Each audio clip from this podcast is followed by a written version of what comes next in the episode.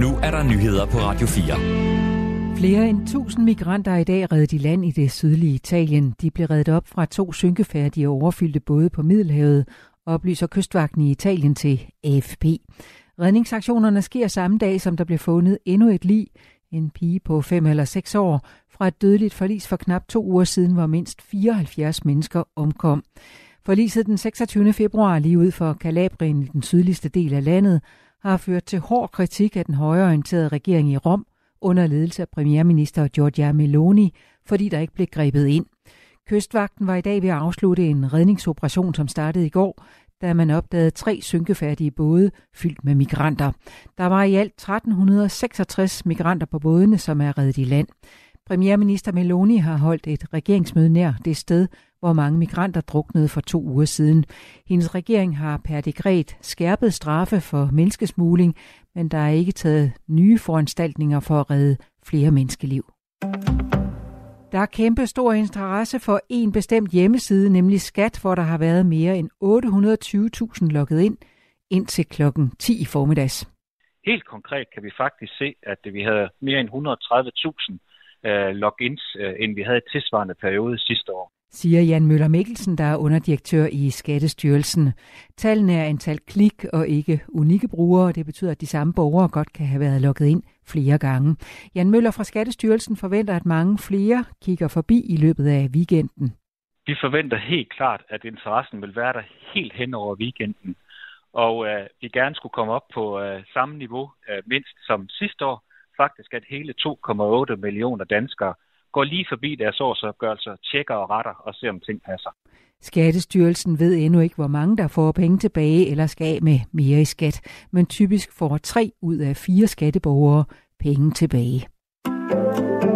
Selvom covid-19 måske føles som et overstået kapitel, så vil der komme flere pandemier i fremtiden, det siger Henrik Ullum, der er direktør for Statens Serum Institut, i et interview med Politiken i dag.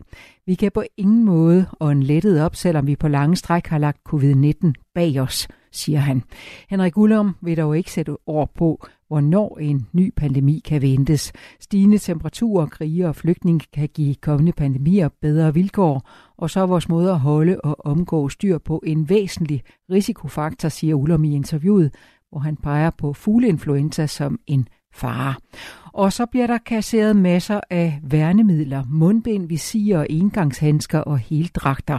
Senest er det Region Syddanmark, som forventer at brænde inde med værnemidler for 35 millioner kroner, skriver TV Syd. Regionen skriver i et svar til tv-stationen, at værnemidlerne ikke kan nå at blive brugt, fordi holdbarhedsdatoen udløber. Region Syddanmark har hundredvis af paller opmagasineret. Tidligere på ugen besluttede forretningsudvalget i Region Hovedstaden, at mere end 9.300 paller med værnemidler skal destrueres, fordi de er blevet for gamle. I starten af maj er de første af de omkring 100 Leopard 1 kampvogne fra Danmark, Tyskland og Holland klar til at bruge, oplyser fungerende forsvarsminister Troels Lund Poulsen fra Venstre. Han besøgte i går den virksomhed, der er ved at gøre kampvognene klar. Vi kan forvente, at vi kan levere et sted mellem 80 og 90 kampvogne her i løbet af 2023. Under besøget så han selv kampvognene. De blev udfaset i 2010 og skal igennem en ordentlig servicetur, før de igen er klar til kamp, siger Troens Lund Poulsen. Man skal jo først og fremmest være sikker på, at de mekaniske dele virker. Og så skal man selvfølgelig også være sikker på, at al den elektronik, der skal bruges, at den så også kan spille sammen med det system, der skal integrere det. Leopard 1 kampvognene har stået opmagasineret efter, at de blev udfaset og erstattet af nyere model. Kampvognene skal først bruges til træningsmissioner af ukrainere. Modeskaber Erik Brandt døde i formiddag. Han blev 79 år gammel. Det bekræfter hans datter Emilie Brandt over for Ekstrabladet. Sammen med hustruen Margit Brandt skabte han mærket Margit Brandt Design, som i 60'erne og 70'erne satte dansk mode på verdenskortet. Og de åbnede også butikker i blandt andet USA, Japan, Schweiz og Hongkong. Vi får en flot lørdag med nogen eller en del sol, men en overgang kom, bliver det mere skyde med sne eller sludbyer fra vest. Mellem 1 og 5 grader, og vinden tager til og fra jævn til hård vind fra vest og nordvest ved Skagerakskysten op til Kuling. Og i løbet af aftenen og i nat til delt klart med kun enkelte snebyer, men i løbet af natten mere skyde mod sydvest. Det var nyhederne med Susanne Digmar i studiet.